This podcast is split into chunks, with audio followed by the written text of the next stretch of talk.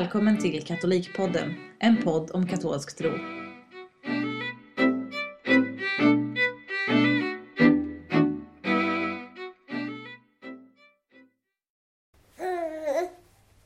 Hej och välkomna till Katolikpodden. Dagens tema är katolska tics och jag som sitter här heter Paula. Ja, Patrik. Och Claudia. Josef. Petri. Alex och dagens speciella gäst. Agnes. och när vi talar om katolska tics då kan man syfta på att till exempel kanske knäböja i biosalongen eller eh, Ja, jag knäböjde en gång när jag gick in i en konferens. och chefen bara tittade på mig. Vad gör du? Eh, det finns ju de som eh, under Star Wars eh, May the force be with you svarar och med din ande i huvudet. Eh, så jag tänkte kolla om ni känner igen er i det här. Överhuvudtaget. Ja. Lite grann. Ehm, jag tänker att det är också så här saker som typ icke-kyrkliga människor bara tittar på. Man bara, vad håller du på med? Man tar fram sin matlåda på jobbet, gör korstecken och folk bara, what? Ja. Ja, precis. Alltså det, specifikt tics är ju verkligen sånt man gör liksom omedvetet. Men det finns ju så mycket... Med att tron är ju så... Den är ju verkligen i vardagen också. Och den är så konkret och fysisk också. Så man gör ju liksom olika saker. eh, Både omedvetet och medvetet. Men som är ju... Oftast så är det ju liksom goda vanor som man ibland bara råkar göra av bara farten. Eh, För det är ju det, det är ju någonstans där det det handlar om. Att det om att man är van att göra saker och, och bra saker fast det blir Fast det blir vid konstiga tillfällen. Fast det blir problematiskt också.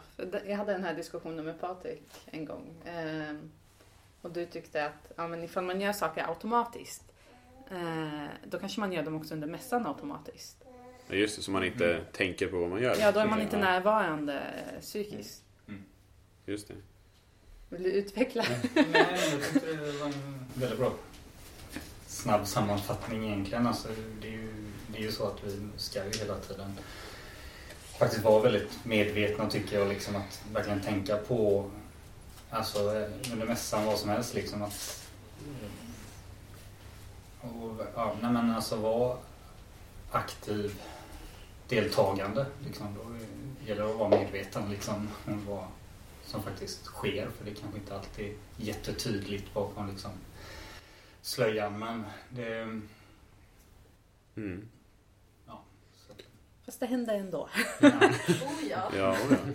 Ja, så det, fin- ett, ett väldigt, eh, det finns ju ett ställe i mässan som är upplagt nästan för detta. Och det är i, ja, det är som en liten luring där. Ja, i, i någonstans i den eukaristiska bönen som för de, de mässans fasta bönerna, så kollektbönen och bönen vid offertoriet och efter kommunionen avslutas ju alltid genom Jesus Kristus vår Herre. Amen, svarar alla. Och någonstans i den eukaristiska bönen så finns det ju något så här genom Jesus Kristus vår Herre. Men som fortsätter sen och där är det ju vanligt att folk så här Amen. Så bara, just det, det var inte nu. Eh, så det, det, det kanske inte handlar så mycket om att inte vara medveten utan bara... Ja, eller i läsningarna när det ingår typ så här enligt Jesus Kristus vår Herre. Eller Ja. någonting. Eller så här, det, detta är bla bla. Och så, så folk bara, amen. Ja, Precis. Ja, precis. I, upp, i Uppenbarelseboken kommer ju det ibland. Eh, vad, är det som, det, vad är det där? Nå, det är något som någonting, också... någonting som slutar med evigheters evighet. Ja. Just det, Ja, precis. just Amen. Det där är upplagt för... Precis. Nej, men så man kan väl ändå... Jag tänker att så här, ja, aktiv närvaro men också en del så här, sak, det sätter ju sig bara också. Att det kommer att bara farten så. Som man, om man, vi har, man har väl gått till mässan så här, ett antal, hundra gånger så minst. Ja. Det är liksom, allting sätter sig. Mm. Ja, men jag tänker just att det är mänskligt att hjärnan vill ju automatisera saker så att det blir mer effektivt. Mm. Mm. Eh, och ska man ta sig ut ur det så måste man aktivt vara medveten och det kräver mer energi av en. Precis. Eh, men det kanske är någonting man bör tänka på. Att, Samtidigt tror jag det finns en poäng i att menar, mässans ordning är ju alltid densamma. Och Mm. det är ju dels för att man ska leva sig in Alltså leva sig in i mässan och för att man ska kunna vila i det. Mm. För ska man ständigt vara aktiv och som, tänka okej vad händer nu, vad ska jag göra nu? Då kommer man även då distraheras tror jag. Jo, Så- så är det verkligen. så- Alla som har småbarn vet ju att det här är en fullständig omöjlighet. Ja, det, Alltså, det går inte. När Rakel var liten så tror jag inte jag att jag hörde en predikan på två och ett halvt år eller någonting. Mm. Alltså, det, Mm. ja. Men då får man ändå se det som att man i alla fall är där. Typ. Mm. Mm. Eh, katolska tics, har vi några? Ja, det finns ju förstås den fantastiska berättelsen som inte behöver nämnas vid, vid namn och specificeras. Men om, Berättelsen nämnas vid namn. Eh, Personer. personen. om ministranten vid Oh, just. eh, som när prästen frågar eh, brudparet om de har kommit dit av fri vilja för att ingå äktenskap så svarar ministranten högtidligt, eller högt, högt ja. Och Eh. Ja, för det, det var ungefär som när man förnyar sina doplöften. Prästen frågar någonting, alla ska svara ja. Och då gjorde han det på automatik. En det, svarar Ja. ja. högt och tydligt och inget så. Så, står brudparet där och bara eh, ja. ja. ja, Ja, det är bra att han också hade kommit dit frivilligt. ja, Det precis. var jättebra. Men så här, Eller så hade han tvingat dit dem och bara ja, så att de inte hinner svara. Någonting annat. Men, men prästen påpekade att äktenskapet fortfarande bara är mellan man och kvinna inom En kyrkan. man och en kvinna. Ja, en man och en, precis, och ingenting annat. Nej, vad pinsamt. Ja, det var Ja, jättekul. ja, alltså, eh, nu, jag tror att alla egentligen vet vem det är, men vi behöver inte nämna några namn. Ja. Men låt honom aldrig Ja. glömma det. Nej, precis. Och eh, om jag inte minns fel så var det, det var så roligt att sen den eh, ordensbroder som skulle läsa förbönerna sen det. ett långt tag senare eh, fortfarande knappt kunde hålla sig för skratt. Utan stod och läste förbönerna väldigt sammanbitet för att liksom inte börja skratta åt denna lilla fadäs. Ja, men det var kul. Nej men jag, jag tror att mycket av eh, mycket av det, det vi gör liksom i mässan och, och, eh, och andra sådana här saker som vi upprepar är ju just för att det är, det är goda vanor på olika sätt. Bara att gå i mässan är ju liksom, mässplikten handlar ju om att det är en god vana att gå i mässan varje söndag. Det är bra för dig och därför tycker kyrkan att vi, har att vi ska ha en mässplikt och uppmana folk till detta. Eh, Och likadant är det ju med, med andra saker som, som vi gör just för att det, det är en god vana och det finns något gott i det. Men, Ät broccoli, eller? Nej. eh, ja, precis. Men eh, man kan också äta broccoli vid fel tillfälle. Även om det kanske inte är lika lätt som att råka knäfalla vid fel tillfälle och sådär. För, för det, det Just detta med, med att odla de goda vanorna är ju, är ju en väldigt viktig sak och en bra sak. För det, det får, vad vi gör i vardagen formar ju oss, formar ju oss som människor och Mm. får ju oss dit. Och, Jag tänker tillbaka till det här med att man ska vila i mässan. Ehm, för- Inte sova då, men... Nej, men när jag var ministrant eh, och då sa jag till den dåvarande kyrkoherden att jag har svårt att lyssna under predikan. Eh, och då såg han till att alla ministranter fick gå ner och sätta sig längst fram för att han skulle hålla koll på så att vi lyssnar.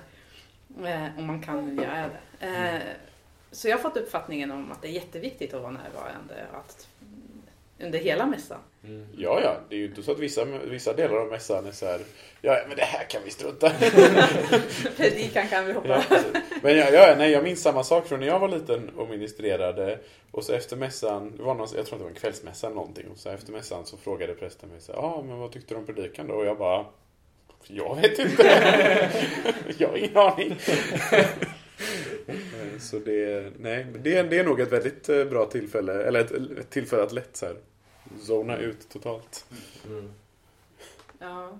Men det är också en eh, så här rolig, det här är bara en parentes, men alltså mellan nya och gamla mässan. I den nya mässan så måste, står det att du, alltså det är en del av mässan. Eh, Medan i den gamla eh, är det inte det. Nej, just det. Ministranten kan gå ut och dricka kaffe nej, men, ja, under tiden. Även om man kanske inte ska göra det. Men, eh, nej, men alltså, han kan ju lägga sig raklång på bänkarna. Liksom. Ja. Det är ju absolut inga problem. Det, det finns inget som reglerar det där. Mm. Nej, Du just det. behöver inte vara aktiv där i den gamla mössan. Men ja, i den nya så är det viktigt. Just det, det är en liturgisk akt, det är som en rubrik i själva missalen. Ja, precis. Mm. Exakt. Just det. Ja, det är intressant faktiskt. Det, och det, det, det, man har ju hört historier om, eh, om en del organister i Svenska kyrkan där det, eh, där det ju... Agnes har också hört detta. Eh, nej men och där, framförallt för, liksom under lite tidigare så att säga, så predikar man ju ofta väldigt länge liksom. Man kunde ju predika liksom i 45 minuter gott och väl. Eh, och då var det ju... Då, då, då, visste, eh, och då visste man ju det att så här, okej nu, är- nu är det 45 minuters predikan. Då var det ju vanligt att organisten liksom gick iväg och just drack kaffe eller gick, tog en öl på krogen. Eller, det, det har funnits en del alkoholiserade organister genom historien. Så ja, absolut. Men det, och då visste man ju, då, men, det, det var i alla fall prästen eh, höll tiden. Så då kunde man ju lita på det liksom. Eller gå hem och ta en tupplur det där gick ganska långt i England för att då var det vissa rika som hade ett eget litet bås i kyrkan. Där de hade en tebryggare. Alltså tekokare. Så de liksom kunde ta en kopp te under predikan ifall de hade den här som, det privilegiet att ha en sån plats. Så då hade de tagit det en steget längre liksom och räknat med att okej nu kan vi liksom luta sig tillbaka och ta en kopp eh, te och lyssna på predikan. Men då, då vet jag, då kanske man har eh, missuppfattat eh, vad man gör i kyrkan. Ja. Lite. Men jag får associationer till den här båsen i domkyrkan där man kan gå in med barn. Ja, just det. Ja, Ja. Fast där kan man, man kan inte... Man kopplar ju i och för sig inte av från mässan för ljudet är så högt där inne så man hör ju allting och kan följa med ändå. Ja. Det är väl mest för att inte barnen ska Ja. göra ljudavseende. Precis. Eh, Det är ju väldigt bra. Det är ju väldigt bra. Det är ju praktiskt. Ja. Mm. Men just, jag ty- jag tyckte det är roligt att ni reagerar på långa predikningar med, det här, med en viss fasa. Ett katolskt tics som något. Ja, det är verkligen sant. Det är verkligen sant. Precis. Eh, Nej, och det... det, det hör jag, I somras hörde jag om det.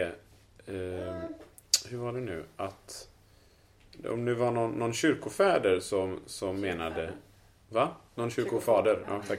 Eh, någon kyrkofader som... Eh, och som detta också upprepats i, i Andra Vatikankonciliets texter om hur, hur ordet är minst lika viktigt som, som eukaristins sakrament. Och att så här, vi, vi lär oss väldigt mycket att vi vi lär oss mycket att vi eh, måste eh, verkligen visa vördnad och respekt för, för eukaristin. Och verkligen just som Paulus skriver att den som inte tänker på vems kött han äter eh, äter en dom över sig själv. Men att det också gäller i ordets Mm. liturgi. Och att det är också en... Kristus är ordet Mm. också. Mm. Och han är också närvarande i, i eh, läsningarna och i predikan nu, som i alla fall nu i alla fall verkligen är en del av mässan. Och det är ganska intressant att det för det är som Patrik säger, att det är ju också ett katolskt tics att säga ja, ja, ordet och bibeln, det är så här, ja, ja. Det är, Ja, ja. det är väl inte så noga.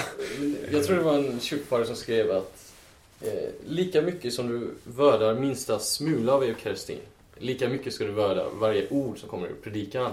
Just det. Eller Men det är så svårt. Ja, det, det är svårt. Cesarius av Arles. Mm. Sa det. Ja. Men det, det är intressant eh, skillnaden mellan eh, katolska tics och katolska traditioner. Eh, I gymnasiet hade jag en sån här masterplan. Hur vi skulle få... hur vi skulle få eh, liksom sprida katolska kyrkan i Sverige.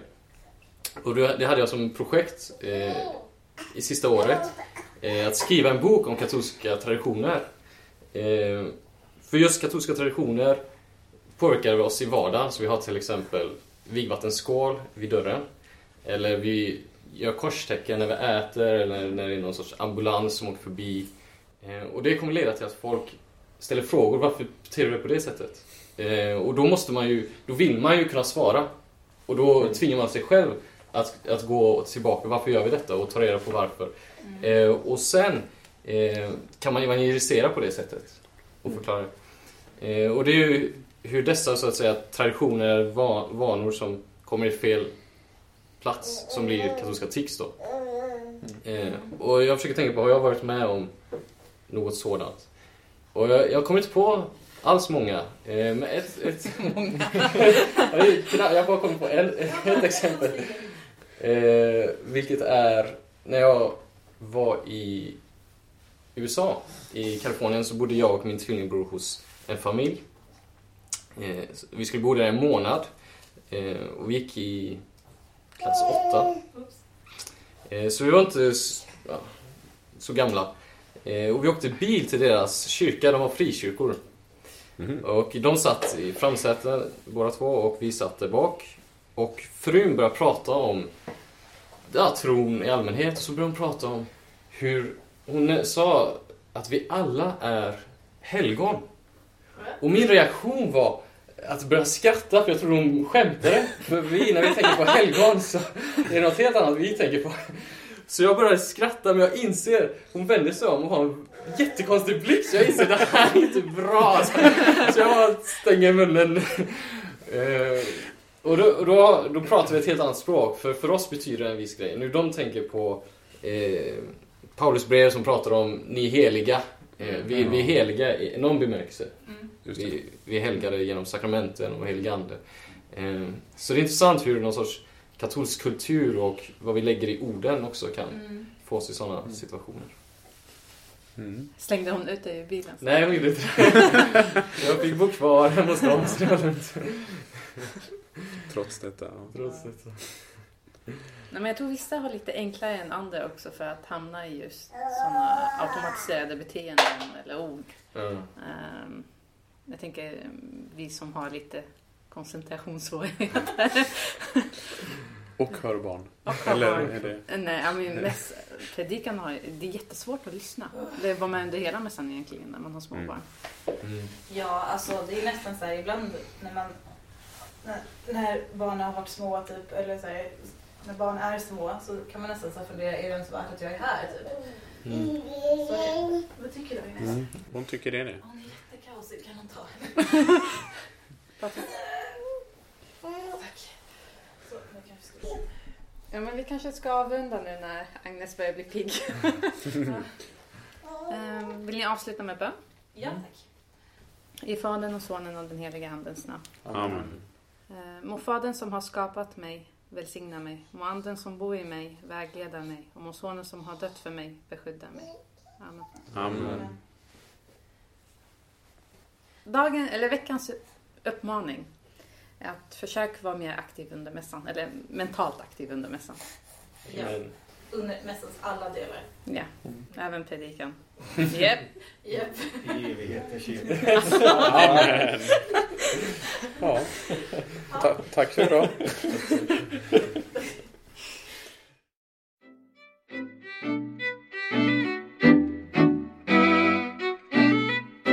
Du har lyssnat på Katolikpodden. Du kan nå oss på katolikpodden at gmail.com.